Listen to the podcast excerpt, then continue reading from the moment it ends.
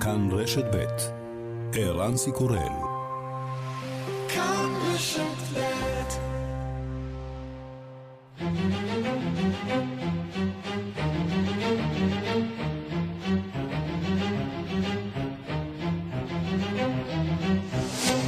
השעה הבינלאומית 21 באפריל והיום בעולם. at 6, crude oil collapse. Three words no one in Houston's oil community wants to hear. بعد جلسة تداول عاصفة سعر برميل النفط الأمريكي تسليم минус 37 долларов 63 цента. Подробности. Price uh, of a barrel of oil has collapsed below zero. What happens when oil prices go below zero? הדבר הזה עוד לא היה, מחירי הנפט יורדים אל מתחת לאפס. יצרניות הנפט רק רוצות להיפטר מהסחורה שסותמת את המחסנים. הסיבה, משבר הקורונה. מה קרה לשליט קוריאה הצפונית קים ג'ונג און? now monitoring intelligence that Kim Jong un's health is in grave danger. This is following a recent surgery. Uh, we should note that this is also uh, in conjunction with other events in recent days. On April 15th, five days ago, Kim did not appear at a ceremony commemorating his grandfather, Kim Il-sung. That was noted. רשת CNN מדווחת כי ארצות הברית מנתחת מודיעין וממנו עולה שבריאותו של קים ג'ונג און בסכנה, אחרי שככל הנראה עבר ניתוח בליבו. שכנותיה של קוריאה הצפונית גם כן עוקבות בדאגה. 北朝鮮をめぐる動向については重大な関心を持って平素から 情報収集、分析に努めております。 יפן אוספת ומנתחת מידע על צעדיה של קוריאה הצפונית בעניין רב, אומר מזכיר הממשלה של יפן, הייתי רוצה להימנע מלהגיב על הדיווחים האלה. 160 אלף מתים, כשני מיליון וחצי חולים, 5,000 נספים רק ביממה האחרונה. סינגפור, מדינה אחת שקיוותה שהסיפור מאחוריה, מוצאת עצמה מהדקת עכשיו את ההגבלות. We must all hunker down and press on without tight circuit breaker measures. We have called on all Singaporeans to stay home. Go out only for essential needs, like buying food or groceries. Otherwise, please stay at home. כולנו צריכים להתבצר ולהמשיך במדיניות ההדוקה של עצירת מעגלי ההדבקה, מכריז ראש הממשלה לי. ביקשנו מכל הסינגפורים להישאר בבית, לצאת רק לצרכים חיוניים כמו מזון, במקרים אחרים פשוט תישארו בבית. מי יהיה המועמד לסגן הנשיא במפלגה הדמוקרטית? אליזבת וורן או אולי קמלה האריס? ואולי... I've heard some speculation about Michelle Obama as vice president. If she said to you she'd be willing to be your running mate, would you ask her? Oh, I'd take her in a heartbeat. She's, uh, she's brilliant. She's, she knows the way around. She is a really fine woman. מישל אובמה. אם היא תגיד שהיא מוכנה לרוץ איתך, האם תבקש ממנה? נשאל ג'ו ביידן. הייתי לוקח אותה בלי לחשוב פעמיים, היא מבריקה, יודעת להתנהל, אישה מצוינת. השעה הבינלאומית שעורך זאב שניידר, מפיקה סמדארט על עובד, באולפן ערן סיקורל, אנחנו מתחילים.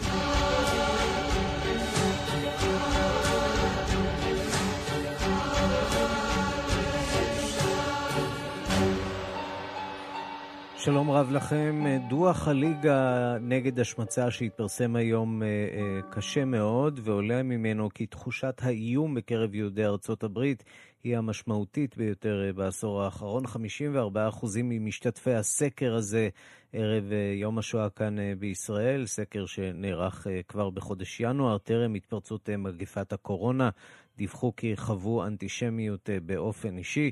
ויש כבר מי שמקשרים בין העלייה באנטישמיות בשבועות האחרונים לנגיף קורונה. שלום ליואב זהבי, כתב חדשות החוץ. שלום ערן, טובים. תחילה הנתונים של הליגה נגד השמצה. כן, אז כמו שאמרת, 54% משתתפי הסקר הזה, שהוא נערך לפני מגפת הקורונה, צריך להדגיש את זה בחודש ינואר, דיווחו כי חוו אנטישמיות באופן אישי, אנחנו מדברים על יהדות הברית, 63% מהם סבורים כי הקהילות שלהם, כן, הקהילות היהודיות שבהן הם חיים, בטוחות פחות משהיו לפני עשור. אה, כמחצית מהנשאלים אה, הביעו את חששם שאדם שחובש כיפה או כיסוי ראש דתי, או כזה שמפגין את יהדותו בדרך אחרת בציבור, יותקף פיזית או מילולית ברחוב אה, או במקום ציבורי אחר, ערן. אתה דיברת על עלייה באנטישמיות, עשויה אולי להיות עלייה באנטישמיות, אנחנו כבר רואים מגמות כאלה בצל מגפת הקורונה. הסקר הזה נערך לפני המגפה. זה סקר שנערך בקרב 538 משתתפים שמשקפים את הרכב הדמוגרפי של יהדות ארצות הברית. אני רק רוצה להזכיר שאנחנו נמצאים בשנים לא פשוטות לקהילה היהודית בארצות הברית. אנחנו רואים עלייה בתקריות אנטישמיות בשלוש השנים האחרונות. בדוח האנטישמיות השנתי של הליגה נגד השמצה לשנת 2018, כן, לפני שנה, דווחו למעלה מ-1,800 תקריות, שזה היה נתון במקום השלישי הגבוה ביותר ב-40 השנים האחרונות. נזכיר את הפיגוע בבית הכנסת בפיטסבורג לפני כשנה וחצי, וגם את הפיגוע בבית הכנסת סמוך לסן דייגו שאירע לפני כשנה, אלו ימים מאוד לא פשוטים ערן עבור הקהילה היהודית בארצות הברית, ואנחנו רואים שכבר עשור לא חדשו כמו שהם חדשים בימים האלה. יואב זהבי, כתב חדשות החוץ, תודה. תודה, יואב. שלום לכתבנו בפולין, ניסן צור. שלום ערן.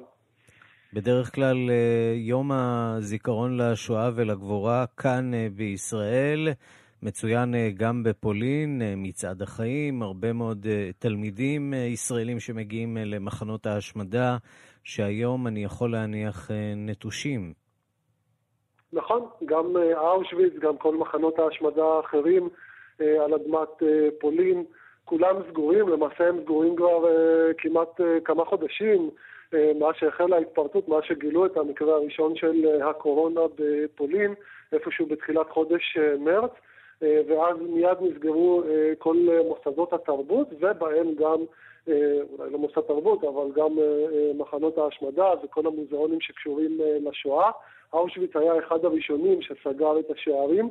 צריך לזכור שבאושוויץ רק בשנה שעברה ביקרו, נשבר למעשה שיא המבקרים בהיסטוריה. עם מעל שני מיליון מבקרים שביקרו שם בשנה שעברה, ולכן ראשי המוזיאון כמובן לא רצו לקחת את הסיכון להדבקה המונית, וכמובן שגם מצד החיים וכל שאר האירועים שמדי שנה היו מתקיימים באושוויץ או במקומות אחרים שקשורים, אם זה המוזיאון היהודי בוורשה, ועוד הרבה מאוד מוסדות שקשורים אל השואה בפולין, אז השנה כמובן בעקבות מגפת הקורונה הכל נסגר. בואו נפנה ככה כמה דקות לשמוע אולי באמת את הסיפור האישי, המשפחתי שלך, את הדרך שאתה עברת בין ישראל לפולין, התחושות שהיום הזה מעורר בך לחיות שם בפולין, כשבארץ מציינים את יום הזיכרון לשואה. אז אני חייב לספר שהנושא של השואה מלווה אותי למעשה מילדות, מגיל מאוד מאוד צעיר.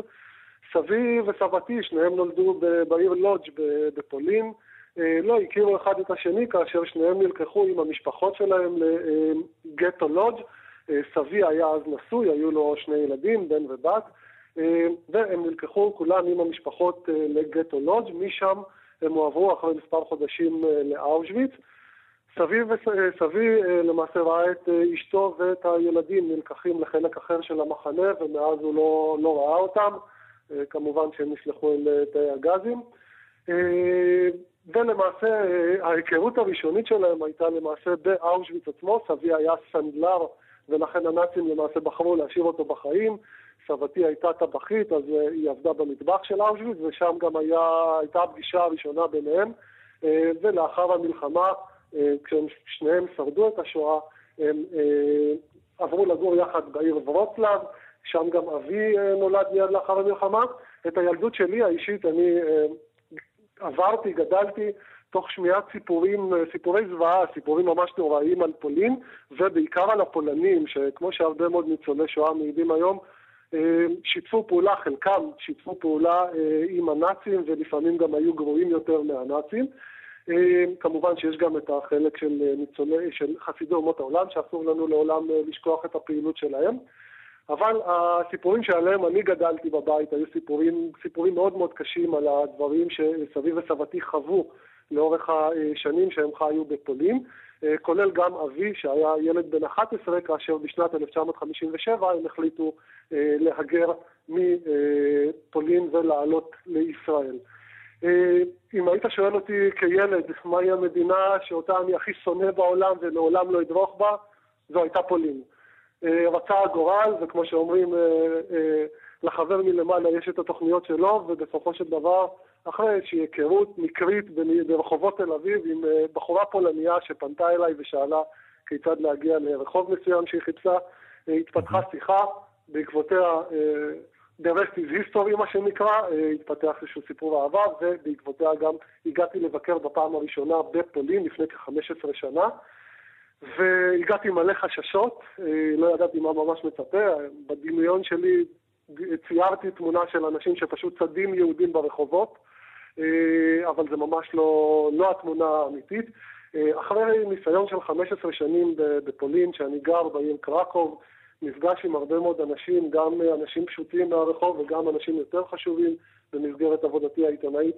אני יכול אה, להעיד שרוב מוחלט של הפולנים היום באמת כבר עבר את השלב של השנאה כלפי יהודים, את הדעות הקדומות, יש פה אוניברסיטאות, הרבה מאוד אוניברסיטאות שהן מפעילות מגמה ללימודי יהדות, והרבה מאוד סטודנטים מגלים עניין מאוד גדול ביהדות.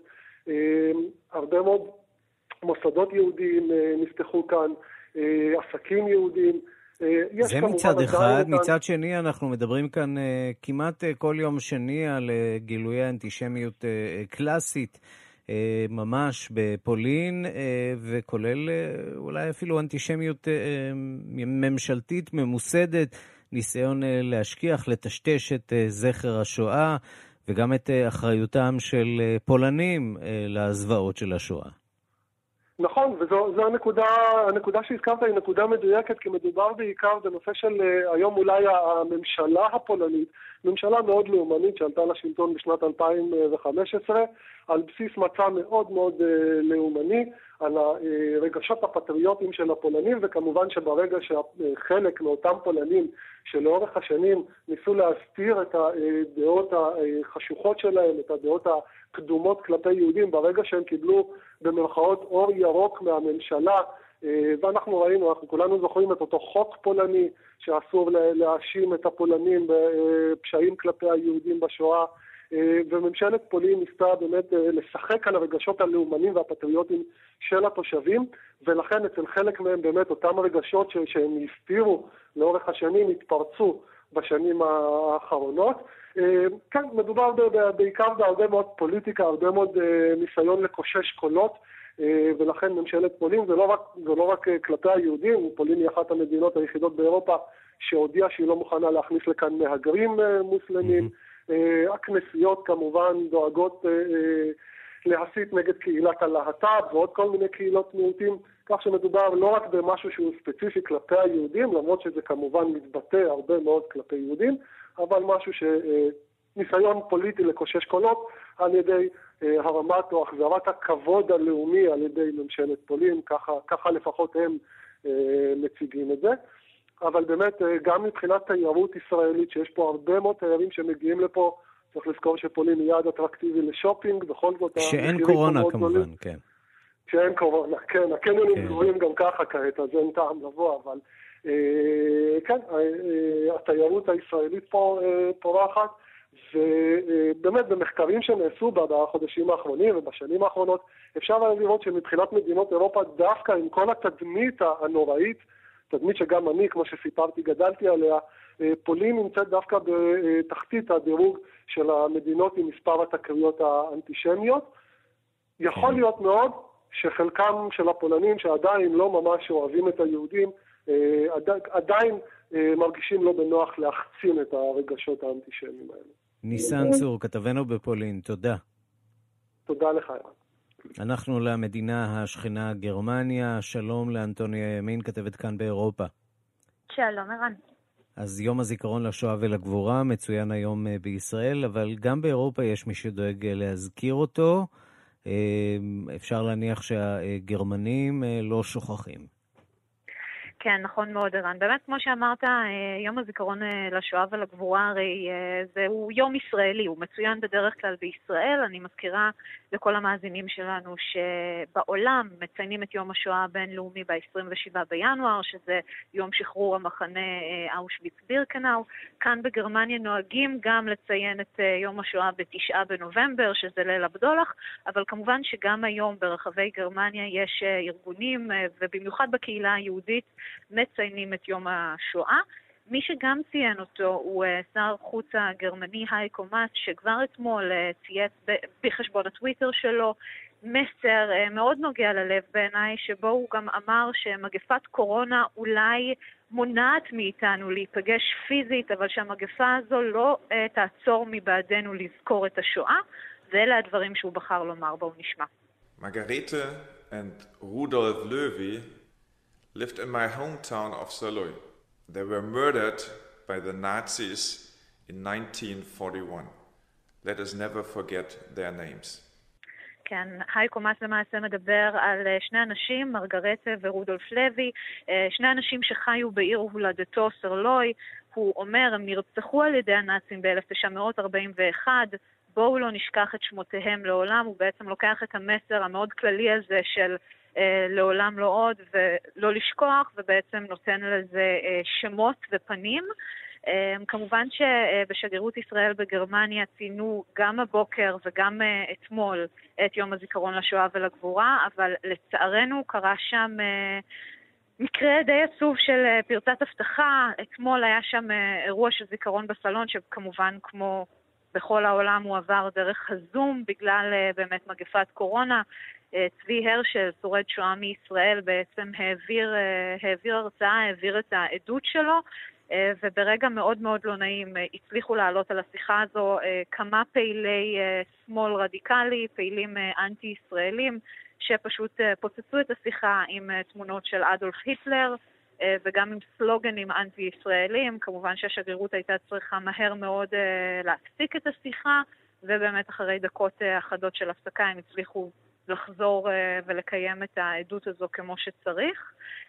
אדם נוסף שבוחר לציין, לציין היום את יום הזיכרון לשואה ולגבורה זה יורש העצר, הנסיך צ'ארלס.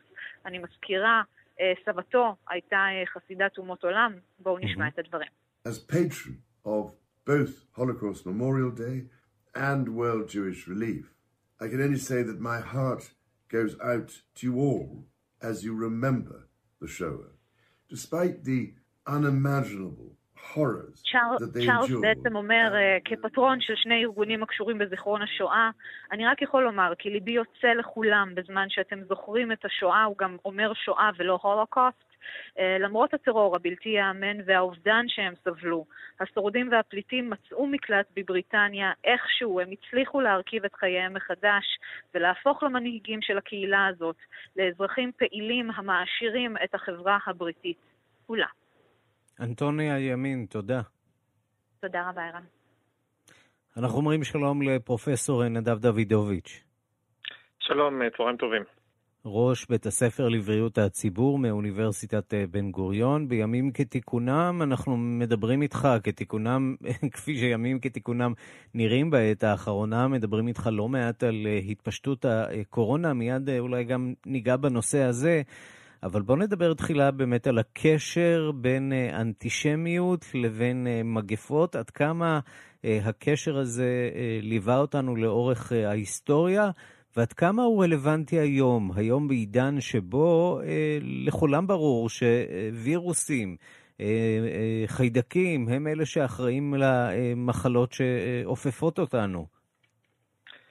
אז uh, בהחלט הנושא הזה הוא מאוד uh, חשוב. אני אומנם uh, רופא אפידמיולוג, אבל גם חוקר היסטוריה ואתיקה של בריאות הציבור, ואני חושב שהן דיסציפלינות שמאוד חשובות גם כדי להבין ולשאול שאלות לגבי דברים עכשוויים, כמובן לא מהמקום שההיסטוריה חוזרת על עצמה, אלא כדי לפתח את הסט הנכון של הרגישויות.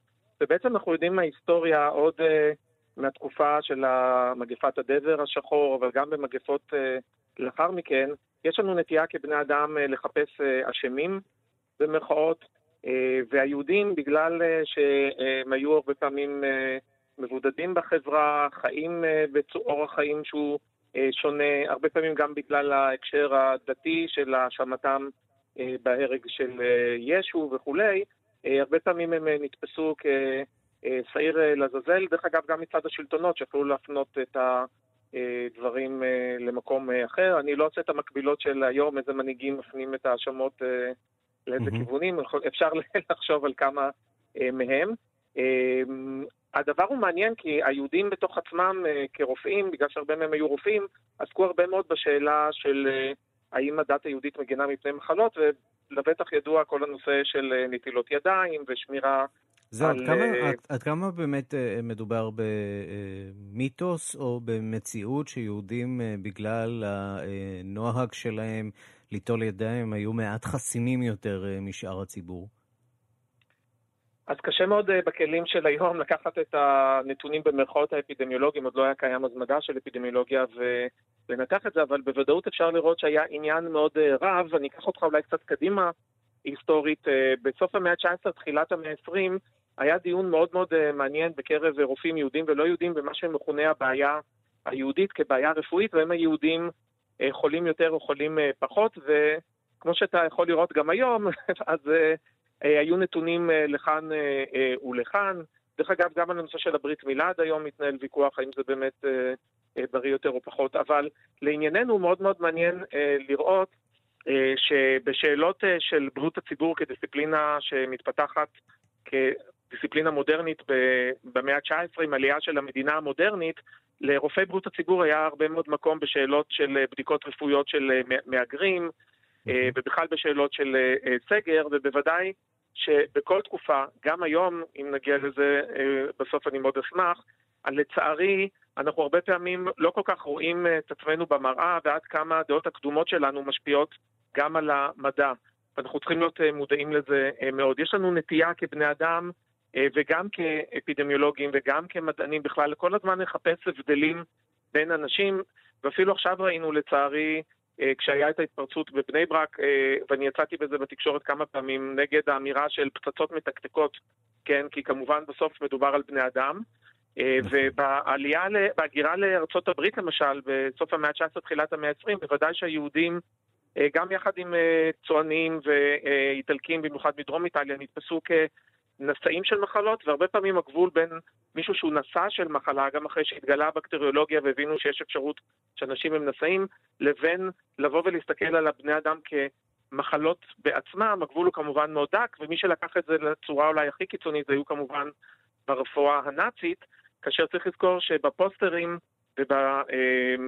ובפרופגנדה אה, שהם, שהם עשו, היא הייתה מאוד מאוד מבוססת לצערנו על בריאות הציבור. הם בעצם mm-hmm. אמרו שהיהודים הם נשאים של מחלות, והיהודים בעצם הם המחלה עצמה, השוו אותם וסגרו כן, אותם בגטאות, הגטאות היו סוג של הסגר. אפילו מהשנה שעברה, מאותו קרנבל באלסט שבבלגיה, אה, שבו אה, על הכרכרה נראו אה, יהודים חרדים, בובות גדולות של יהודים חרדים, כשהם מחזיקים עכברושים בידיהם, המיתוסים האלה לא נעלמים למרבה הצער. נכון, אני, כשאני מלמד היסטוריה של בריאות הציבור, יש קריקטורה מרתקת שאני מראה, היא מ-1892, הפנדמיה אז הייתה קולרה, אה, מחלה שמועברת אה, במים ומזון, שהיא גם כן אה, קטלה המוני בני אדם, ורואים שם את מלאך המוות שהוא מסתמן את הקולרה, את החומות של ארה"ב עם האנקל סם שמסתכל מלמעלה, המלאך המוות הולך מצד אחד עם אה, מהגר אה, גרמני, כי הייתה התפרצות אז בהמבורג, ומצד השני קריקטורה של היהודי עם הפאות, המלוכלך, אה, האוסט-יודן, היהודי ממזרח אירופה, וכתוב שם סגור למהגרים ממדינות אחרות. עכשיו, כמובן שזה מתחבר לאנטישמיות, אבל אני רוצה דווקא לקחת את זה לימינו אנו, כי לצערי, גם עכשיו באירופה ובהרבה מאוד מדינות, ששוב, מחפשים אשמים, אז יש את הצד האנטישמי שמופיע גם עכשיו, אבל גם הרבה מאוד שנאת זרים. אנחנו זוכרים בהתחלה את כל הנושא של הגזענות כלפי אה, סינים. אה, המחלה היא כמובן לא מחלה סינית, היא מחלה שהתחילה... הווירוס הסיני, כפי שכינה אותו הנשיא טראמפ. נכון, נכון, או, או השפעת הספרדית, תמיד אוהבים אה, להתחיל את זה ממקום אה, מסוים. אה, ואנחנו צריכים כל הזמן לבחון את עצמנו, האם הדעות הקדומות שלנו, הזכרתי לצערי את מה שקרה בהתחלה עם אוכלוסייה חרדית, אה, ובמקומות אחרים בעולם אה, מדברים על מהגרים, אה, כולל מהגרים אה, אה, פליטים שרוצים בעצם לפנות אותם למדינות אחרות. ואני חושב שזה קשור מאוד לבסיס השאלה המאוד חשובה, מה זה בריאות הציבור.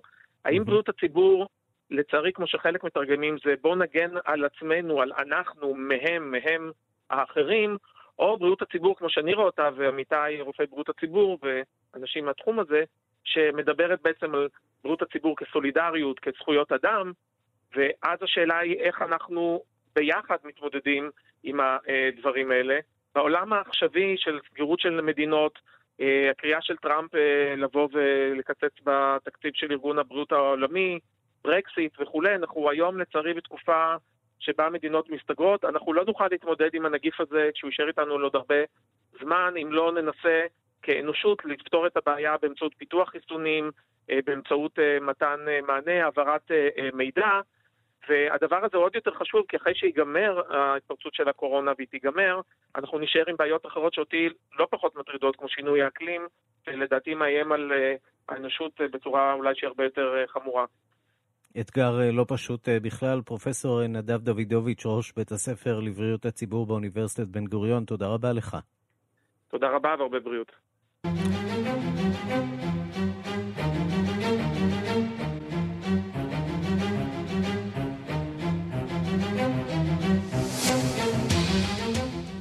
שלום לכתבנו בוושינגטון, נתן גוטמן. מיד uh, נהיה עם נתן גוטמן, אבל עוד uh, לפני כן אנחנו רוצים להתעדכן במצב הקורונה ברחבי העולם. יותר מ-2 מיליון ו-400 אלף אה, נדבקים, לפחות 170 אלף ו-399 מתים. אלה הנתונים העדכניים על מגפות, מגפת קוביד-19 בעולם. ארה"ב ממשיכה להוביל קרוב ל-790 אלף נדבקים נרשמו בשטחה מאז תחילת התפרצות הנגיף, אחריה ספרד. הדיווח של כתבת חדשות החוץ, נטליה קנבסקי. המספרים ממשיכים לגדול בכל יום שעובר, אך מדינות מסוימות כבר פותחות את המשק. גרמניה היא המובילה במדינות אירופה במאמץ המוצלח למגר את המגיפה בשטחה. מתחילת המשבר פעלו הגרמנים לאבחון מסיבי, שהרי איכות אבחון מיוצרות בגרמניה. מדינות מוכות אחרות, איטליה, ספרד, צרפת ובריטניה, לא זכו לפריבילגיה הזאת. ברלין גם יישמה, בלי דמגוגיה גדולה כמו במדינות השכנות, את טכנולוגיית איתור הנשאים כדי להזהיר את האנשים שנמצאים בקרבתם. המדיניות הנכונה ומערכת הבריאות האיתנה בהרבה ממדינות אירופיות אחרות אפשרה לגרמניה לשלוט במגיפה בלי צורך בהסגר הדוק כמו במדינות הנגועות האחרות ובלי אובדן גדול כל כך בחיי אדם, פחות מחמשת אלפים מתים מתחילת המשבר. אתמול נפתחו בערים הגרמניות חנויות ועסקים ששטחם אינו עולה על 800 מטר מרובע. התושבים אמנם מתבקשים לשמור על מרחק חברתי, לנקוט אמצעי הגנה, אך אפשר בהחלט לומר שהגרמנים יוצאים מן הסבב הראשון של המגיפה בצורה מוצלחת בהרבה ממעצמות אירופיות אחרות. גם אוסטרליה שהייתה אחת הראשונות שהנגיף אובחן בשטחה הודיעה היום על חזרה הדרגתית לשגרה. במסיבת העיתונאים המשותפת ביקשו ראש הממשלה סקוט מוריסון ושר הבריאות גרג האנט מן האזרחים להמשיך לשמור על אמצעי בטיחות. And then in terms of uh, distancing, what Australians have been doing in a very consistent way across the country has led to a real מבחינת שמירת מרחק חברתי, מה שהאוסטרלים עשו עד כה בצורה מתמדת מאוד ברחבי המדינה, אפשר ליישר את עקומת המגיפה. אני יכול לומר שהגענו לאישור עקומה יציב וקבוע, טען שר הבריאות האוסטרלי.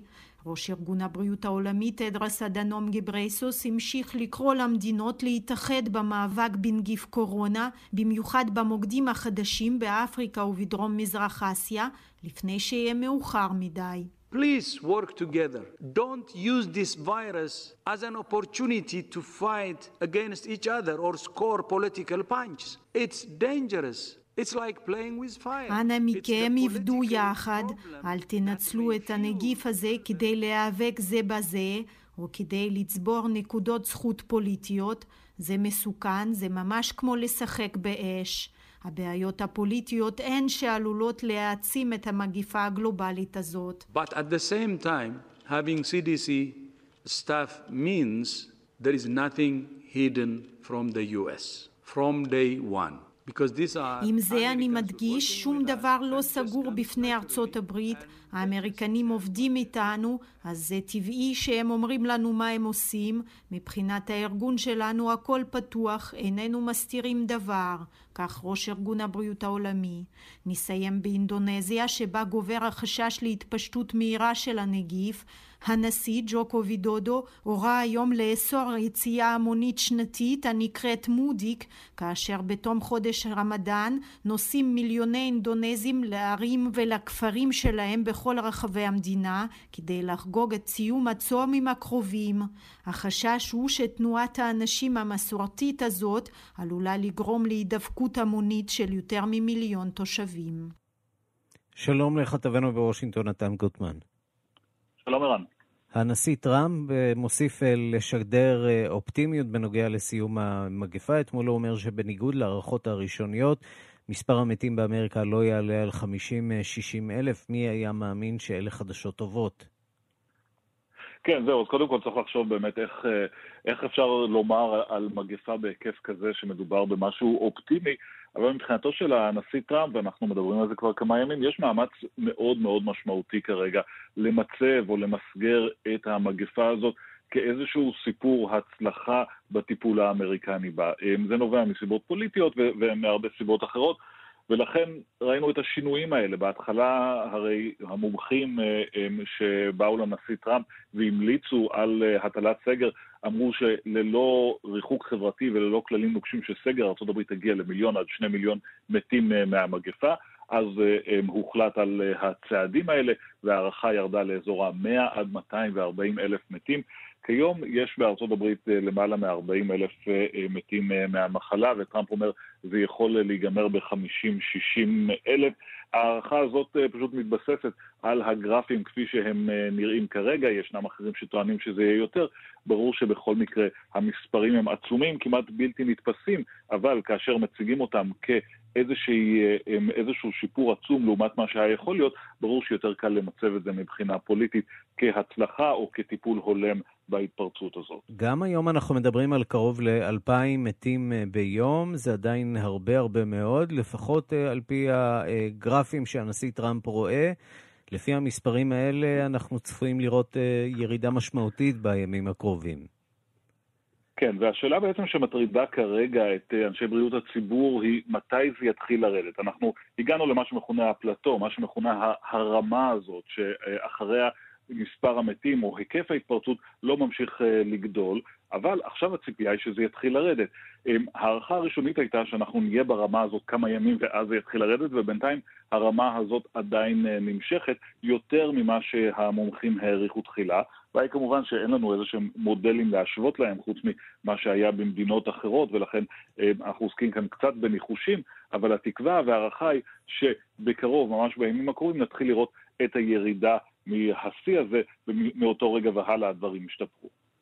אז הנשיא טראמפ נוקט צעדים אה, נגד המהגרים, אה, גם כדי לטפל בנושא הקורונה. עוד uh, תחום שבו הוא צריך לעסוק כרגע הוא הנפט והירידה הדרמטית במחירי הנפט, עד כדי פחות מאפס. אז מה, הנשיא טראמפ מתכוון לקנות את העודפים? הנשיא טראמפ התייחס אה, די אה, בזלזול או בשעשוע לנושא הזה של המחיר השלילי של אה, הנפט אתמול. הוא מדגיש שמדובר בעניין של משקיעים, לא בעניין של מצב שוק הנפט העולמי. כמובן מסביר שמדובר בתוצאה של ה... של העובדה שאנשים לא נוסעים, שמפעלים לא פועלים, ולכן הביקוש ירד באופן דרמטי. מה שהוא לא מתכוון לעשות כרגע לפחות, זה לחזור לרוסיה ולסעודיה ולומר להם בואו נעשה עסקה נוספת על הפחתה נוספת בתפוקה, כרגע זה לא עומד על הפרק, והזכרת את אה, נושא ההגירה, גם כן עניין חשוב שעלה אתמול בלילה, בהודעה של הנשיא טראמפ שהוא מתכוון בצו נשיאותי להקפיא את כל ההגירה לארצות הברית, גם כאן זה חוזר למצב הכלכלה, טראמפ טוען שכאשר כלכלת ארצות הברית נאבקת אה, ויש אה, אבטלה כל כך רבה, אי אפשר להכניס עוד אנשים שיתחרו על המשרות האלה. ברור שהמספרים לא באמת מתיישבים, זאת החלטה מאוד דרמטית ומאוד פוליטית כמובן. הבסיס של טראמפ, המצע של טראמפ, הדברים שהוא נבחר עליהם, כמובן מדברים על צמצום ההגירה לארצות הברית, והנה עכשיו יש לו הזדמנות לעשות את זה. נתן גוטמן, כתבנו בוושינגטון, תודה. תודה, ערן. ושלום אה, לדוקטור אה, עמית מור. שלום ערן. מנכ"ל אקו אנרג'י, ייעוץ אה, כלכלי אסטרטגי, מרצה בכיר במרכז הבינתחומי בהרצליה ובטכניון. ואנחנו מבקשים לשוחח איתך כדי להבין את מה שקרה אתמול, הירידה הדרמטית במחירי הנפט, עד כדי כך שהנפט הגיע לשיא שלילי. זה אומר ש... כשאדם בא לקנות נפט, הוא גם חוזר עם איזה סוג של קופון, עם החזר כספי. כן, בהחלט, פשוט תופעה מדהימה מהיום הראשון לפני 119 שנים שהקפטן קירק בפנסילבניה החל להפיק את הנפט המסחרי הראשון, לא הייתה תופעה כזו. מחיר הנפט ירד בסביבות 10 בלילה שעון ישראל למינוס 38 דולר לחבית. כלומר, המשמעות היא שרוכשים יכלו לבוא, לקחת נפט, ופשוט שישלמו להם על מנת שיקחו את הנפט 38 דולר לחבית. איך שנוצר מצב כזה? כמובן, הקורונה הביאה לכך שהביקושים לנפט בעולם ירדו בלמעלה מ-20%. העולם מייצר וצורך כ-100 מיליון חביות נפט ליום לפני הקורונה. היום הצריכה היא אפילו פחות מ-80 מיליון חביות נפט ליום, אבל ההיצע התפוקה לא ירדה באותו קצב, כי זה לא עניין שתוך שלושה שבועות אכן הקורונה אה, תקפה את כולנו, סין, בטח ראש של העולם, הפסיק לייצר, כרגע הוא חוזר mm-hmm. לתפוקה מסוימת, הפסקנו לטוס, הפסקנו לנסוע וכולי. לסגור אה, באר נפט זה לא לסגור שיבר, זה לוקח אה, תקופה של שלושה, ארבעה, חמישה שבועות, לפעמים אפילו הרבה יותר, כך שנוצרו עודפים עצומים של נפט, ואז המלאים האסטרטגיים והמסחריים, כלומר, אותם מאגרים של נפט, כולנו מכירים מכלי הנפט הגדולים שיש בשדות התעופה, גדילות ובמקומות אחרים ברחבי העולם, ובעיקר בארצות הברית, החלו להתמלא בקצב מסחרר. גם ארצות הברית הגדילה את המלאי האסטרטגי שלה בלמעלה מ-100 מיליון טונות אה, של נפט, מאוד מאוד זול. מה שקרה אתמול אה, הוא עניין פיננסי טכני, אפשר לומר. אה, פשוט החוזים של אה, חודש אה, אפריל מסתיימים, כלומר רוב המסחר בבורסות של הסחורות 95-96% מהסחר הוא סחר פיננסי. מי שרכש חוזים עתידיים של נפט שפוקעים היום, ואם הוא לא מוכר את החוזה שלו, את הפוזיציה שלו, הוא פשוט יצטרך לקחת פיזית את הנפט במקום שנקרא קושין באוקלאומה. אז אם יש לך מכלית ענקית שפנויה, וכל המכליות כמעט בעולם מלאות היום, וכל המחסנים אה, קיימים מלאים בנפט, אז אתה באמת יכול, אה, היית לבוא ופשוט לקבל המון כסף על מנת אה, לקחת את הנפט הזה, אבל אין אה, מאגרים פנויים, ולכן אנשים, סוחרים, קרנות וקופות גנל וכדומה, פשוט מכרו, היו מוכנות לשלם כסף על מנת להיפטר מהפוזיציה הזאת, כי אחרת הן היו חייבות לקחת את הנפט היום בלילה, ב-12 בלילה, אה, פיזית, ואין להם איפה לקחת אותו ולאן לאגור אותו. אתה אומר בעצם פה שמדובר פה אה, בבעיה טכנית אה, לעצור או לצמצם חוסר אה, אביסות, אולי העימות הזה שהיה בין אה, מדינות אה, אופק אה, לשאר המדינות, לרוסיה, בין אה, רוסיה לארצות הברית. אה, בין רוסיה לסעודיה בעיקר, אה, זה בעצם מה שגרם לכך שהברזים לא קוילו כמו שצריך בזמן? זה הסיפור? זה, זה חלק קטן מהסיפור. הסיפור הגדול הוא שההיצע היום בשווקים, התפוקה עדיין גדולה הרבה יותר מהביקוש, ואין כבר איפה לאחסן את הנפט. כמעט כל המאגרים בארצות הברית מלאים עד אפס מקום, כל המכלים. תגיד, מה זה אומר אם אה, נצא היום אה, לתדלק אה, בתחנות הדלק כאן בישראל? אני, זה לא ממש משפר לנו את המצב, נכון? אנחנו מאוד מאוד נהנינו ממי שנוסע, מי נוסע? מעטים מאיתנו נוסעים היום, אבל מחיר, בראשון לחודש, מחיר הדלק בישראל ירד בשקל שלם, בל נשכח שהמחיר היום הוא כ-4 שקל ו-90 אגורות, אבל מתוך זה קרוב ל-4 שקלים זה מיסים. אז מחיר השקל ירד, מחיר הבנזין בשער בית הזיקוק, המחיר העולמי ירד משקל וחצי לחצי שקל. היום בחצי שקל אתה קונה ליטר בנזין מבית זיקוק בעולם. טוב, אני מניח שאתה לא ממליץ על uh, להחזיק חבית בחצר או משהו מהסוג הזה, זה לא ממש פרקטי. כן, אפשר בהחלט. יש הרבה מאוד בקבוקים אה, ביתיים שככה הצטברו, ויכול להיות שיכול להיות להם שימוש כזה, לא, אבל... יש אנשים בארצות הברית שפשוט בריכות שחייה, באמת, אמיתי. כן, אבל זה באמת סכנת נפשות, אה, ממש לא כדאי להחזיק נפט אם לא צריך, בדרכים פרזיטיות כאלה. דוקטור עמית מור, מנכ"ל אקו אנרג'י, ייעוץ כלכלי אסטרטגי, מרצה בכיר במרכז הבינתחומי בהרצליה ובטכניון, תודה רבה לך. תודה רבה. אנחנו לאיטליה, האיטלקים סגורים בבתיהם כבר חודש וחצי וממתינים להודעה המיוחלת על שחרורם מהסגר. אבל חילוקי דעות בין המומחים מתחום הווירוסים גורמים לעיכוב בהודעה ומגבירים חרדה וחשש מפני התפרצות חדשה של הווירוס. דיווחו של כתבנו ברומא יוסי בר. אופטימיות חסרת תקדים אחזה היום את איטליה, או ליתר דיוק, את כלי התקשורת.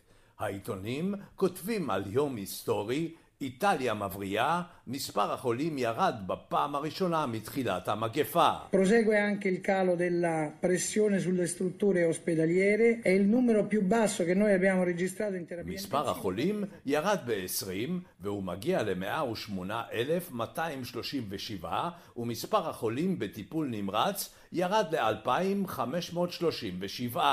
אלה הנתונים הנמוכים ביותר מאז תחילת המגפה. מבשר מנהל המשרד להגנת האזרחים אנג'לו בורלי. במשרד הבריאות מציינים כי מדובר בתפנית שלה ציפו וכי הם מקווים שהירידה במספר החולים תימשך. העיתונים מראים את חדר המיון של בית החולים בעיר ברגמו ריק מחולים וכותבים כי באזורים רבים באיטליה לא נרשמו מתים או חולים נוספים. פרופסור מסימו גלי, מחשובי הווירולוגים במדינה, מצנן את ההתלהבות. Ora va programmata la riapertura, non va anticipata la riapertura. הנתונים האחרונים הן לא סיבה מספקת כדי להסיר את ההסגר בארבעה במאי. זה מוקדם מדי. הציבור לא עשה די בדיקות. אין למהר בהסרת ההסגר, יש לתכנן אותו היטב על פי הגיל, אומר גלי.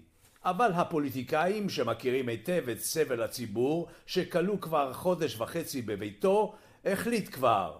המושלים ברחבי איטליה מתחרים ביניהם בהקלות לתושבים. פרופסור ג'וליו טארו, גם הוא וירולוג, סבור כי הווירוס הולך ודועך והוא עשוי להיעלם בעוד כחודשיים. האיטלקים משתוקקים לצאת מבתיהם, אך הם פוחדים מגל חדש ומתקופת הצנע שמצפה להם. כאן יוסי בר, רומא. ועכשיו מבט לעולם הערבי ולהתפשטות נגיף קורונה שם. שלום לכתבנו עמרי חיים. שלום ערן.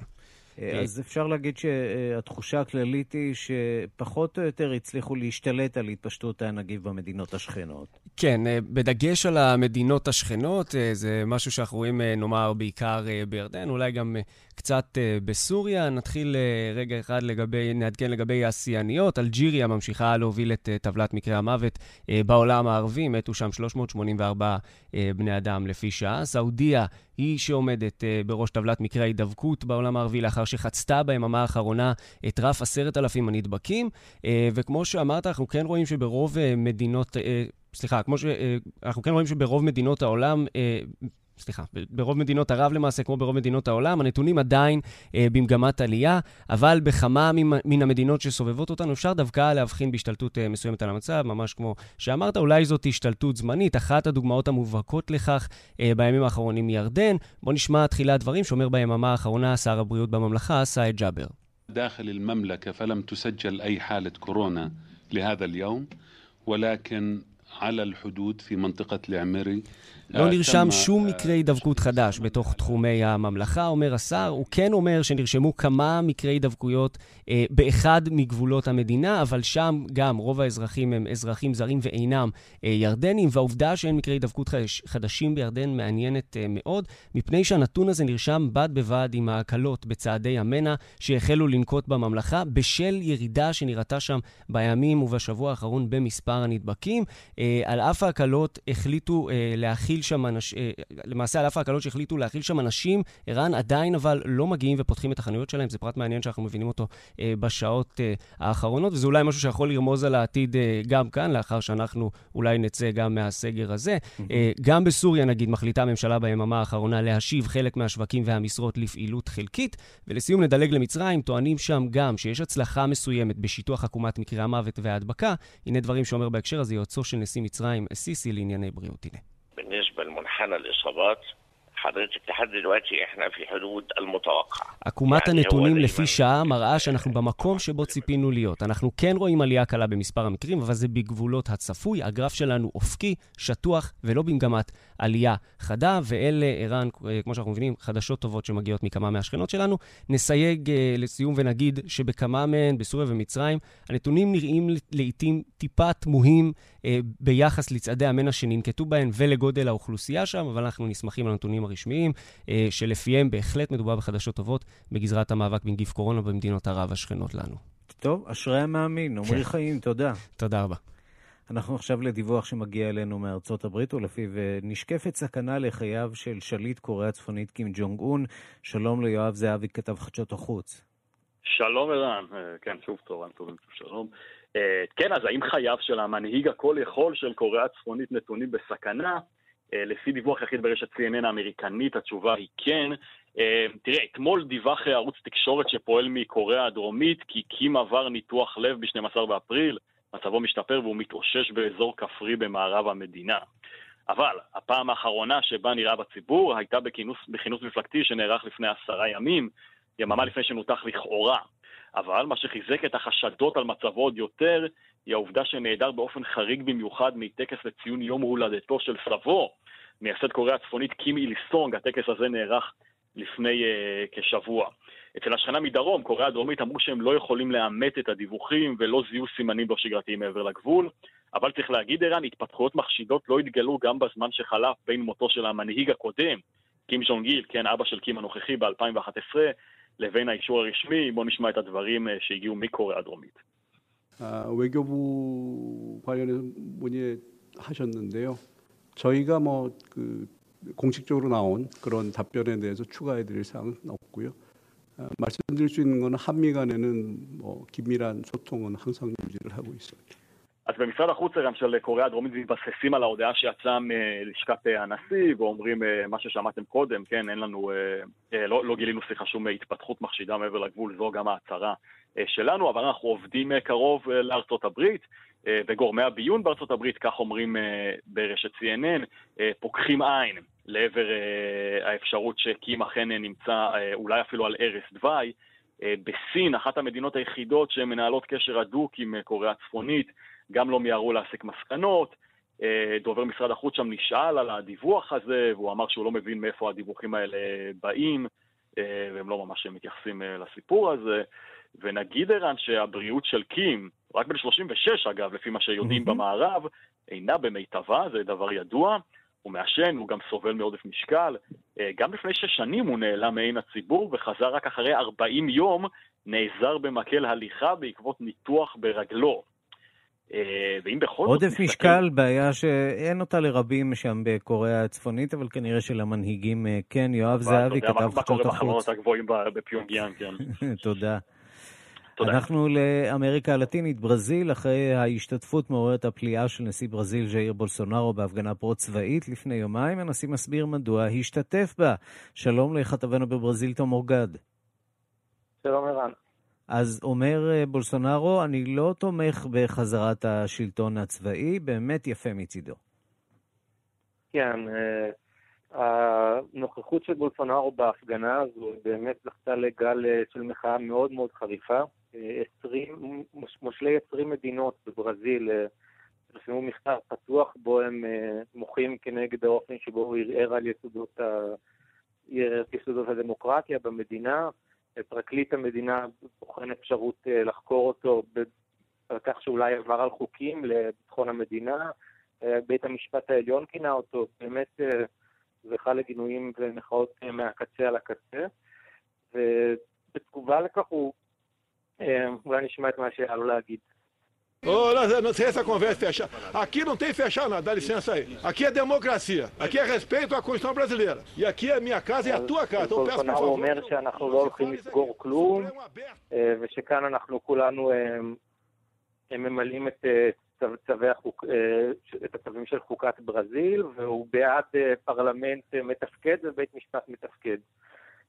שבעצם הוא היה מחויב להגיד את הדברים האלה, לאור המחאות באמת חריפות שנשמעו כלפיו. וכמו שפרשנים פוליטיים כאן אומרים, נראה שהוא הולך שני צעדים קדימה וצעד אחד אחורה. בולסונארו מאוד מתקשה לתפקד בתוך אה, משטר דמוקרטי, בטח שעכשיו עם הסיטואציה המורכבת של משבר הקורונה, mm-hmm. והרצון שלו אה, להקל על הסגר ולשחרר את הכלכלה.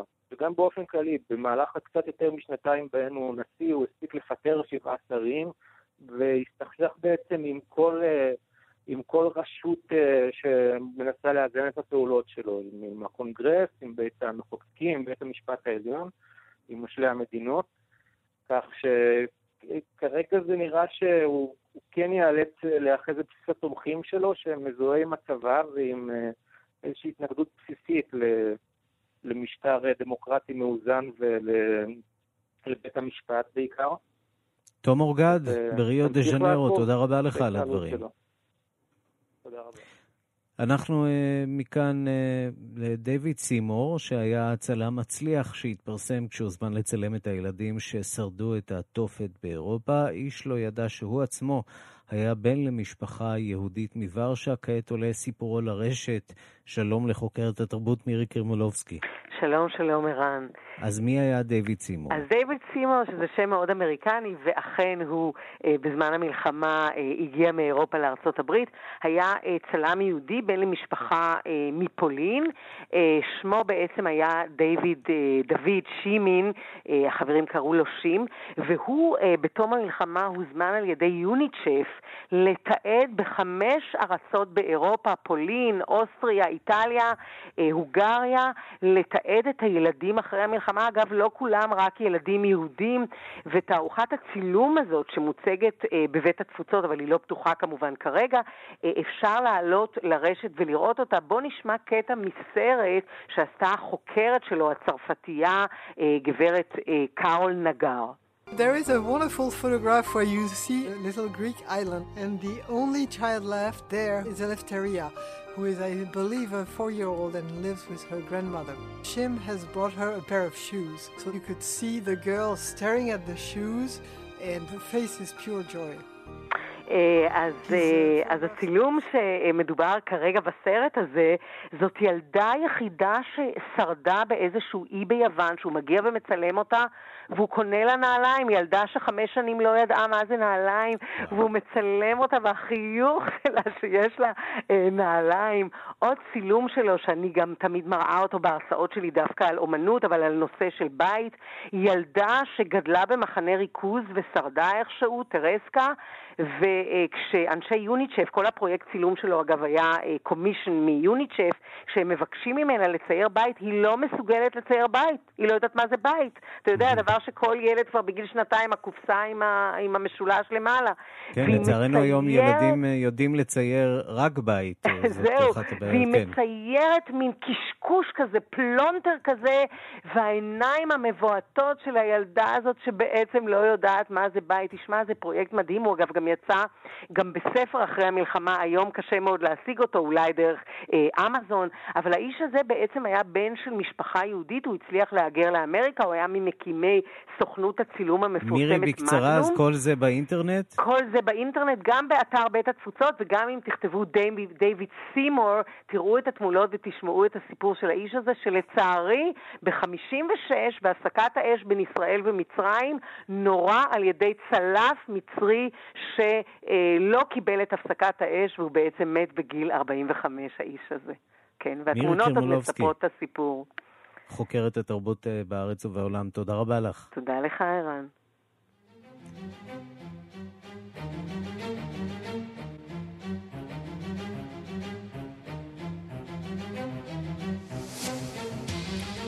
עד כאן השעה הבינלאומית אה, בסימן אה, יום השואה. העורך הוא זאב שניידר, המפיקות סמדארטה לובד ואורית שולץ, הטכנאים ליטל אטיאס ושמעון דוקרקר, אני רנסי קורל. מיד אחרי החדשות יחל משדר החיים בהגשת אה, אריה גולן ויואב קרקובסקי לציון אה, יום הזיכרון לשואה ולגבורה. אנחנו נפגשים שוב באחת בלילה בשידור החוזר וגם מחר בשתיים בצהריים עם מהדורה חדשה של השעה הבינלאומית. להתראות. Música